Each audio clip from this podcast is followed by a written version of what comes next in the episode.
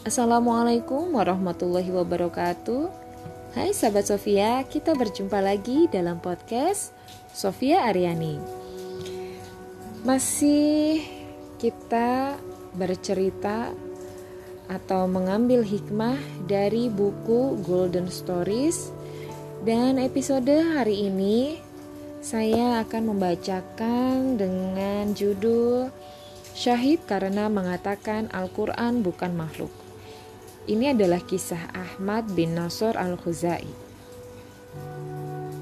Dia adalah Al-Khuzai, imam, seorang mujahid, Abu Abdullah, Ahmad bin Nasr bin Malik bin Al-Haisam Al-Khuzai Al-Marwazi dan kemudian Baghdadi dalam kurung 231 Hijriah. Imam Az-Zahabi dalam kurung D748 Hijriah menggambarkan Al-Khuzai. Dia seorang pemimpin kebaikan, seorang dai yang jujur. Meskipun ia memiliki semua buku karya Hashim dan riwayat dari Imam Malik, ia tidak banyak meriwayatkan. Dengan kerendahan hati ia berkata, "Saya belum selevel dengan mereka." Kisah kematiannya banyak dikisahkan dalam berbagai buku. Berikut adalah kisah yang diriwayatkan Imam Ibnu Kasir dalam kurung 774 Hijriah dalam Al-Bidayah wa An-Nahi Al-Bidayah wa An-Nihayah. Terjemahan diambil dengan beberapa perubahan dari penerbit At-Tibyan dengan judul Imam Ahmad bin Nasr al-Khuzai, pemimpin para ulama, pemimpin para syuhada. Dan isinya adalah dalam peristiwa yang terjadi pada tahun 231 Hijriah, tahun ini terdapat peristiwa pembunuhan Ahmad bin Nasr al-Khuzai. Semoga Allah mengampuni dosa beliau, memuliakan tempatnya di surga. Alasan beliau dibunuh yakni Ahmad bin Nasr al-Khuzai bin Malik bin al-Haisam al-Khuzai dan kakeknya Malik bin al-Haisam merupakan salah satu keluarga besar dari negara bagian Bani Abbas. Merekalah yang membunuh imam ini. Ahmad bin Nasr memiliki martabat dan kepemimpinan, sedangkan ayahnya Nasr bin Malik dikelilingi oleh para ahli oleh oleh para ahli hadis. Imam eh, Ahmad maksud saya Ahmad bin Nasr lahir dan besar di kalangan orang-orang yang berilmu, soleh dan adil, baik ahlaknya, serta selalu berusaha sekuat tenaga untuk melakukan kebaikan. Beliau adalah salah satu imam ahlu sunnah yang menyeru kebaikan dan mencegah kemungkaran. Dia termasuk ulama yang mengatakan bahwa Al-Quran adalah firman Allah, bukan makhluk. Al-Wasiq, khalifah pada saat itu, termasuk orang yang paling keras dalam mengklaim bahwa Al-Quran adalah makhluk. Ia menyerukan siang dan malam, baik secara terang-terangan atau tersembunyi, berdasarkan apa yang ayah dan pamannya Al-Ma'mun katakan dahulu tanpa bukti, argumen, atau penjelasan baik dari As-Sunnah maupun Al-Quran. Untuk itulah Ahmad bin Nasr kemudian e, berdiri dan berdoa kepada Allah. Ia beramar ma'ruf nahi mungkar dan menyuruh bahwa Al-Quran adalah firman Allah, bukan ciptaannya. Ia pun terus-menerus menyeru kepada orang-orang kepada jalan kebaikan. Dengan demikian, para jamaah berkumpul dalam majelis beliau, di antaranya penduduk Baghdad dan ribuan orang bergabung dengannya. Dua orang kemudian diutus untuk menyebarkan dakwah ini, yaitu Abu Harun As-Shiraj dari Provinsi Timur dan Tolib dari Provinsi Barat. Dengan demikian ribuan orang bersatu di bawah beliau. Ketika bulan Syakban diselenggarakan bayat kepada Ahmad bin Nasr al-Khuzai dalam sebuah pertemuan rahasia guna beramar ma'ruf nahi mungkar. Mereka memberontak terhadap sultan karena bid'ah dan seruannya untuk mengakui khalq Al-Quran atau penciptaan Al-Quran. Itu artinya pemerintah dan aparatnya telah melakukan pelanggaran, imoralitas, dan semacamnya. Akhirnya, mereka sepakat pada malam ketiga bulan Syakban yang bertepatan pada malam Jumat Ketika genderang ditabuh pada malam hari, mereka yang berbaiat kepada Imam Ahmad akan berkumpul di suatu tempat yang telah mereka sepakati sebelumnya. Setelah itu, Tolib dan Abu Harun membagikan banyak dinar antara para e, membagikan banyak dinar antara para pengikut. Maksudnya, Tolib dan Harun membagikan dinar gitu ya kepada para pengikutnya. Di antara yang meminta uang adalah dua orang dari Bani Abbas. Kemudian orang ini, maksud saya, kedua orang ini dahulu biasa meminum anggur atau mabuk. Ketika malam Kamis tiba, dua orang dari Bani uh, Bani Asroh, oh maaf tadi bukan Bani Abbas, maksudnya adalah Bani Asroh, maaf, salah baca Ya, di antara yang menerima uang adalah dua orang dari Bani Asr Asras. Kedua orang ini dahulu biasa meminum anggur atau mabuk.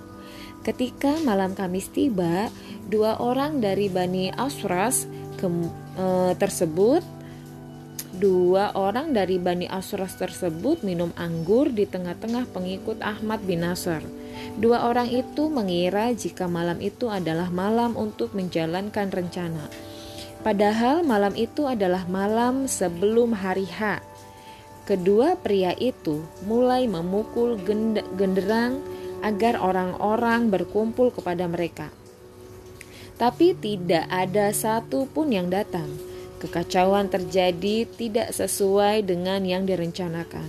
Para penjaga mendengar hal itu, mereka pun segera memberitahu wakil sultan Ishak bin Ibrahim, sebab sultan tidak ada di Baghdad.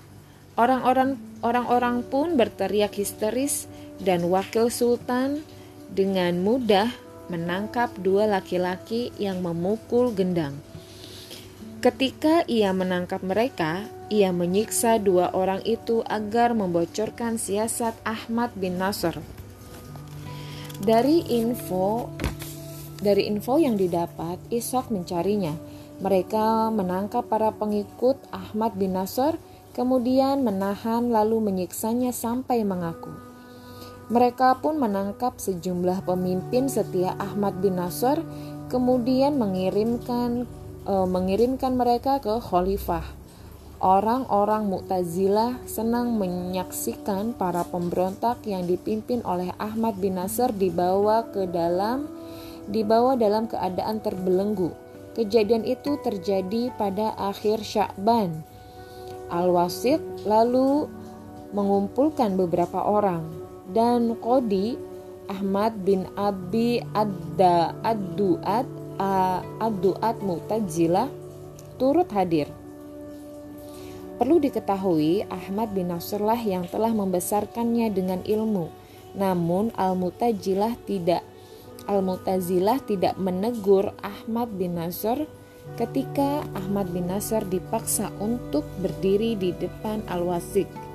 Ia tidak menyinggung bayat yang ia ambil dari rakyat dalam rangka amar ma'ruf nahi mungkar.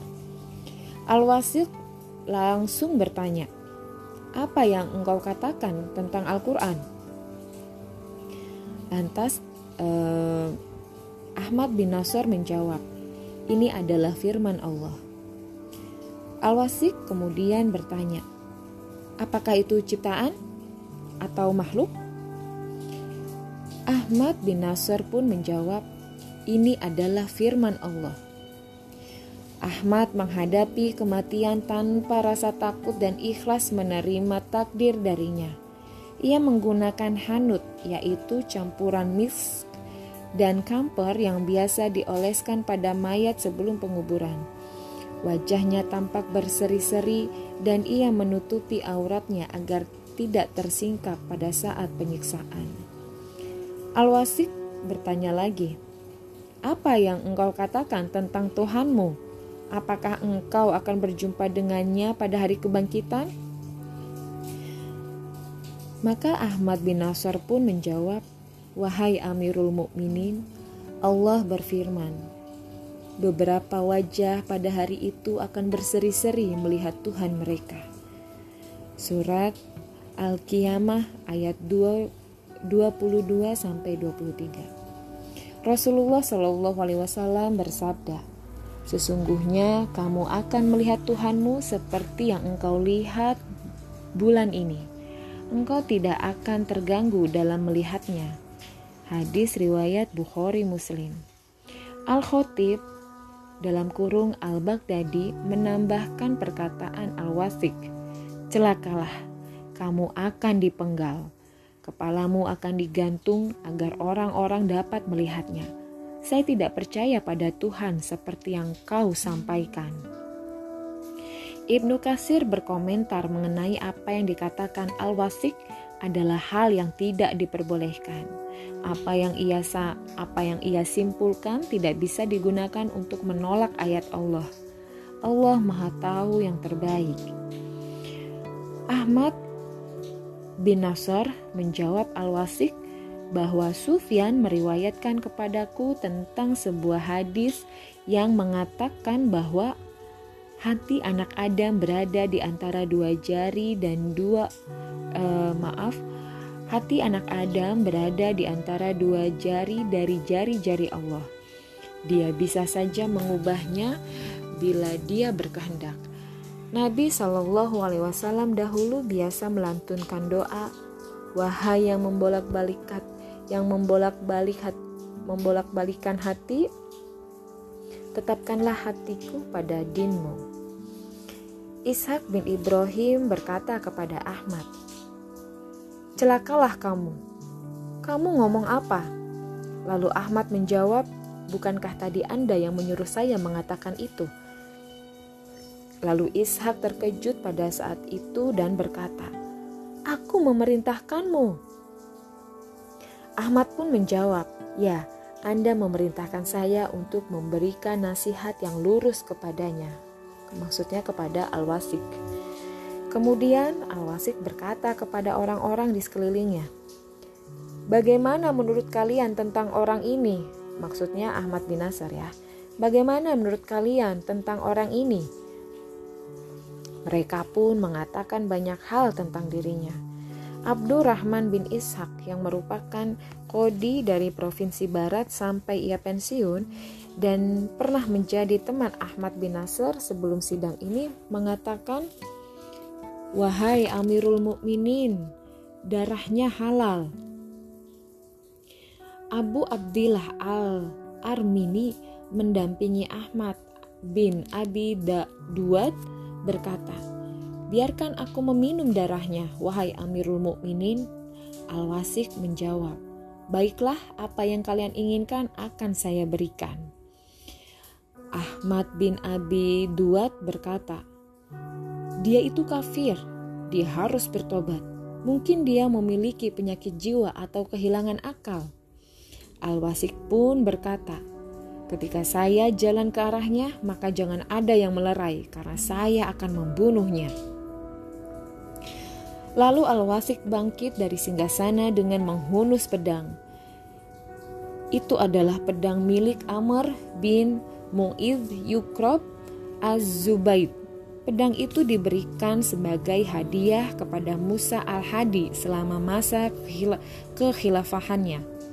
Ada jampi sihir yang terukir di bawah pedang-pedang itu. Ketika mendekati Ahmad bin Nasr, Al-Wasik memukul bahunya. Kala itu Ahmad bin Nasr diikat dengan tali dan berdiri di atas tikar kulit tikar khusus eksekusi ya, tikar khusus untuk pengeksekusian. Kemudian Al-Wasik memukul lagi dengan keras ke kepalanya. Lalu ia tusukkan kepa, e, tusukan pedang itu ke perutnya. Ahmad bin Nasr jatuh kemudian meninggal. Semoga Allah merahmatinya. Kita adalah milik Allah. Kepadanya kita akan kembali. Semoga Allah mengampuni dosa beliau dan memaafkannya. Orang-orang Damaskus kemudian menghunuskan pedang, lalu memenggal lehernya. Kepala dan tubuh Ahmad dipajang, kemudian diarak ke lapangan oleh uh, oleh Babak al-Khurami.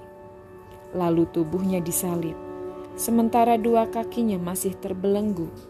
Jenazah Ahmad masih mengenakan kemeja, dan celana. Kepalanya dibawa ke Baghdad dan dipajang di provinsi timur pada hari Jumat setelah Jumatan. Kemudian dibawa ke provinsi barat setelah beberapa hari. Para penjaga mengawasi jenazah Ahmad siang dan malam. Di kepalanya tertulis pesan, ini adalah kepala kafir pagan yang menyimpang, Ahmad bin Nasr al-Khuzai. Ia tewas di tangan Abdullah bin Harun, Imam al-Wasik Bilah, Amirul Mukminin. Setelah ia berpendapat tentang penciptaan Quran dan menolak dan menolak antropomormis antropo antropomorfism. Maaf kalau saya salah membacanya ya. Al-Wasik telah memberinya kesempatan untuk bertaubat dan kembali ke jalan kebenaran. Tetapi dia menolak. Dia malah menyatakan secara terbuka hal yang sebaliknya. Semoga puji bagi Allah dan menyegerakan dia ke neraka dan menyiksanya karena kekufurannya. Amirul Mukminin menghalalkan darah dan mengutuknya. Setelah itu, Al-Wasik memberi perintah untuk menahan uh, untuk menahan para kaki tangan Ahmad bin Nasr. Alhasil telah ditangkap sekitar 29 orang. Mereka dikirim ke penjara dan dicap sebagai kriminal. Mereka tidak boleh dikunjungi siapa pun. Mereka pun dibelenggu dengan belenggu besi. Mereka tidak diberi makan yang diberikan kepada tahanan lain. Maksudnya, eh, mereka ke 29 orang ini tidak diberikan makanan, padahal tahanan yang lain diberikan makanan. Ini adalah potret ketidakadilan. Ahmad bin Nasir merupakan salah satu ulama besar. Ia aktif beramar ma'ruf nahi mungkar. Dia telah mendengar banyak hadis dari Hamad bin Zaid, Sufyan bin Uyainah, dan Hushaim bin Basir. Beliau pun memiliki semua tulisan mereka. Ia juga mendengar banyak hadis dari Imam Malik bin Anas. Suatu hari Yahya bin Ma'in menyebutkan tentang Ahmad dan berdoa agar Allah agar rahmat Allah selalu mengalir atasnya. Ia mengatakan beliau tidak meriwayatkan. Mohon maaf. Uh, ada yang kelewat ya. Ia mengatakan Allah memberikan kesyahidan kepadanya di akhir hidupnya. Beliau tidak meriwayatkan Beliau berkata bahwa belum pantas sampai pada tingkat itu. Inilah bentuk kerendahan hatinya. Yahya bin Ma'in juga sering memuji Ahmad bin Nasr. Imam Ahmad bin Hambal menyebutnya pada suatu hari beliau berkata, Semoga Allah mengampuni dosa-dosanya Sungguh besar perjuangannya untuk Allah. Beliau mengorbankan dirinya demi Allah. Ya. Lalu Ja'far bin Muhammad As-Sari As-Sair meriwayatkan bahwa dua mata saya menyaksikan. Jika tidak, cungkilah mata saya. Dua telinga, dua telinga saya juga mendengar. Jika tidak, maka biarkan telinga ini tuli bahwa Ahmad bin Nasir al-Khuzai telah ketika dipenggal kepalanya berkata, La ilaha illallah. Beberapa orang mendengarnya. Saat ia disalib di sebatang pohon, kepalanya yang terpisah melafalkan. Kepalanya yang terpisah melafalkan Alif Lam Mim. Apakah orang-orang berpikir mereka akan dibiarkan saja? Hanya karena mereka mengatakan kami percaya tanpa diuji, kulitku merinding dan tubuhku gemetar mendengarnya. Akhir terjemahan diambil dari penerbit At-Tibyan. Ibnu Abi Ya'la mengatakan dalam Tabakot al-Hanabilah, ia seorang pria tua, beruban, dan jenggot yang memutih. Tubuh Imam Ahmad bin Nasr dibiarkan menggantung selama enam tahun sampai Al-Mutawakil dari kalangan Sunni Abbasiyah menjadi khalifah. Imam Ibnu Kasir meriwayatkan, pada hari Idul Fitri, Al-Mutawakil memerintahkan tubuh Ahmad bin Nasr Al-Khuzai diturunkan kemudian mengirim kepalanya kepada keluarganya. Orang-orang sangat senang dengan hal ini. Banyak orang yang berkumpul untuk jenazah Ahmad bin Nasr. Al-Mutawakil kemudian menulis kepada seluruh daerah kekuasaannya untuk melarang setiap orang membicarakan ulama itu. Maksudnya adalah ulama Ahmad bin Nasr al-Khuzai. Ia juga melarang siapa pun untuk mengatakan bahwa Al-Quran itu makhluk. Dia membuat aturan bahwa siapa pun yang belajar, yang belajar ilmu kalam dan berbicara tentang hal itu, maka ia akan dipenjara, akan dipenjara sampai meninggal. Ia memerintahkan rakyatnya untuk menyibukkan diri dengan Al-Quran dan As-Sunnah, bukan yang lain.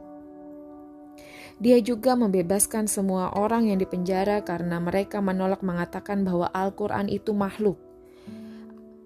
Abdul Aziz, Abdul Aziz bin Yahya Al-Maki mengatakan kepada Al-Mutawakil setelah ia menjadi khalifah, Wahai Amirul Mukminin, saya tidak melihat sesuatu yang lebih aneh dari pembunuh, pembunuhan Al-Wasik atas Ahmad bin Nasr yang lidahnya terus membaca Al-Quran sampai ia dikuburkan.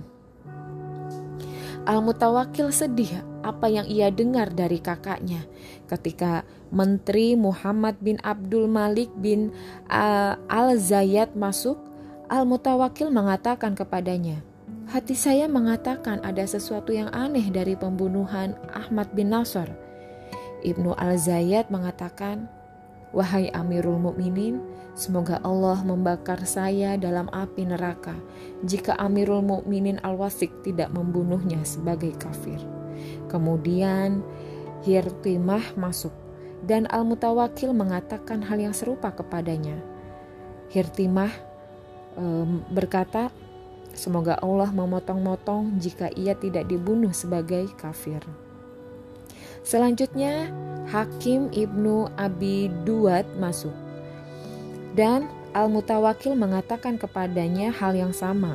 Hakim berkata, semoga Allah menjadikanku Al-Falij uh, atau sebagai Al-Falij uh, maksudnya Al-Falij itu artinya lumpuh sebagian tubuhnya gitu ya.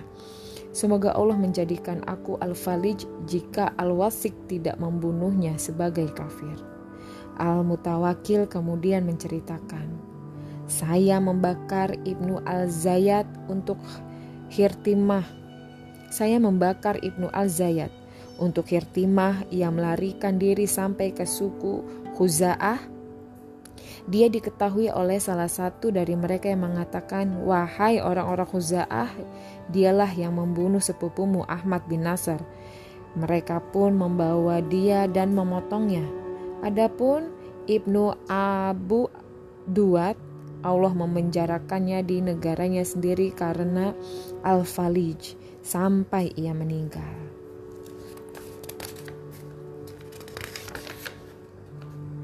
Dan beberapa perkataan tentang Ahmad bin Nasr. Ahmad bin Ibrahim berkata, saya mendengar syuhada Ahmad bin Nasr bertutur. Suatu hari, saya melewati seorang pria yang menderita epilepsi. Saya kemudian mendekatinya untuk membaca Al-Quran di telinganya. Lalu terdengar suara yang mengatakan, "Jangan membaca Al-Quran untuknya." Dan biarkan aku membunuhnya, karena pria itu mengatakan bahwa Al-Quran adalah makhluk. Dan perkataan yang kedua adalah Ibrahim Al-Harbi mengatakan, Ahmad bin Nasr berkata ketika ditanya tentang ilmu Allah, Allah beserta kita dengan ilmunya dan dia berada di arash. Kemudian dia ditanya tentang Al-Quran. Ia menjawab, ini adalah firman Allah. Ia ditanya, makhluk? Ahmad pun menjawab, tidak. Ibnu Al-Qayyim mengatakan dalam Nuniyah, karena itu Ahmad bin Nasr tewas, orang Khuzai yang tersohor. Dia mengatakan Al-Quran adalah firman Allah, bukan buatan makhluk. Semoga Allah mengampuninya. Yaitu adalah kisah dari Ahmad bin Nasr al-Khuzai yang